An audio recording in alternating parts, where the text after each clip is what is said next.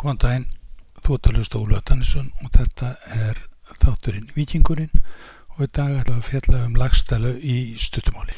Lagstæla hefst fyrir landnám Íslands og er fyrstu luti hennar svona um landnám höðar djúbúku í Dalasíslu og lagstælan fjalla svona um afkomendurunnar og gerist að mestu leiti í Dalasíslu þar sem hún namn land.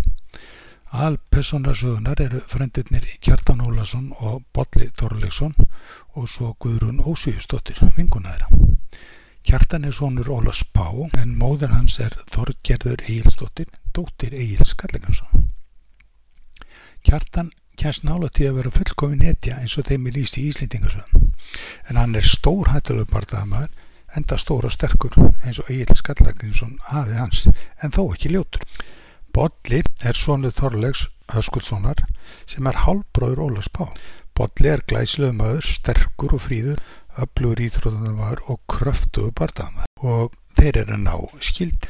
Auk þess alast er upp saman þegar að Bolli er 30 ára fer hann í fústur til foreldrar kjartans. Guðrún Ósjústóttir er hins vegar nákvæmni þeirra í sveiti. Guðrún er bæði rík og fögur, hún er klár, kurtis og skemmtileg að ræða við en svo lítið skapstór. Hún er mikill töffari og greinilega eftirsótasta stelpan í setinni. Hún hefur verið gift tvísar sinnum eða tvís var áður hún kynist strákun. Úr vinóttu þeirra tryggja verður til þessi ástar þrýhinningur með ófyrirsjánlegum afleggingum. Með Guðrún og kjartani tekst mikil vinóta en þau eru ekki beint kjærustu bara því allir reikna með þau að byrja saman. Kjartan ákveður að fara til Noregs og dvelja þær í nokkur ár en gleymir að bera áætluna undir Guðrún. Hún móðgast og vil fara með en hann auðvitað bannar henni, eða ekki auðvitað, hann bannar það og byður hann að býða eftir sér í þrjú ár. Kjartan og Bolli sigla saman til Noregs. Slá þar í gegn og Kjartan tels mikil hetja. Hann eignast þar vinkonu eða kærustu sem er sýsti kungsins og bjarta framtíð fyrir sér hjá norsku hyrðin. En að þremur árun liðnum ákveður Bolli að þetta útstæðul síða þeim sé orðu gott og vill heim sem hann gerir. Hann eimsækir Guðrunu og verður auðvitað skotin í henni og byður hana að gifta sér. Bolli segir Guðrunu að kjartan komi kannski ekki aftur því hann eigi vinkvotu í sýstu kungsis.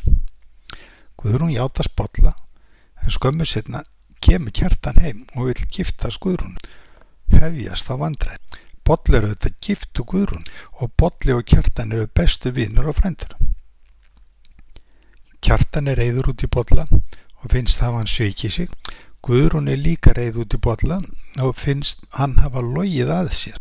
Og hún er enn reyðar í kjartani fyrir að koma of sent heim frá Noregi. Kjartan er ósattur með giftinguna hjá Bolla og Guðrúnu og finnst hann þurfa bara reynlega hann á hemdum, gagvart bolla.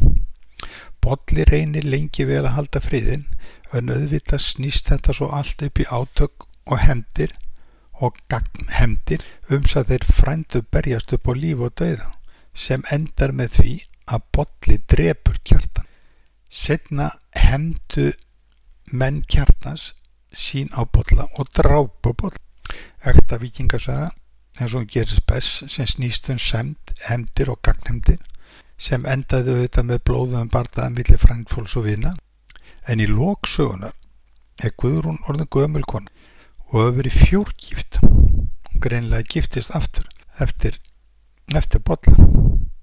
En þá spyr Bolli Bollarsson sonurnar hann að þessar spurningu hverji hún hefur unnað mest. Guðrún svarar Þeimar í vest er í unni mest og spurningin er hver ætli það sé? Takk fyrir að lusta.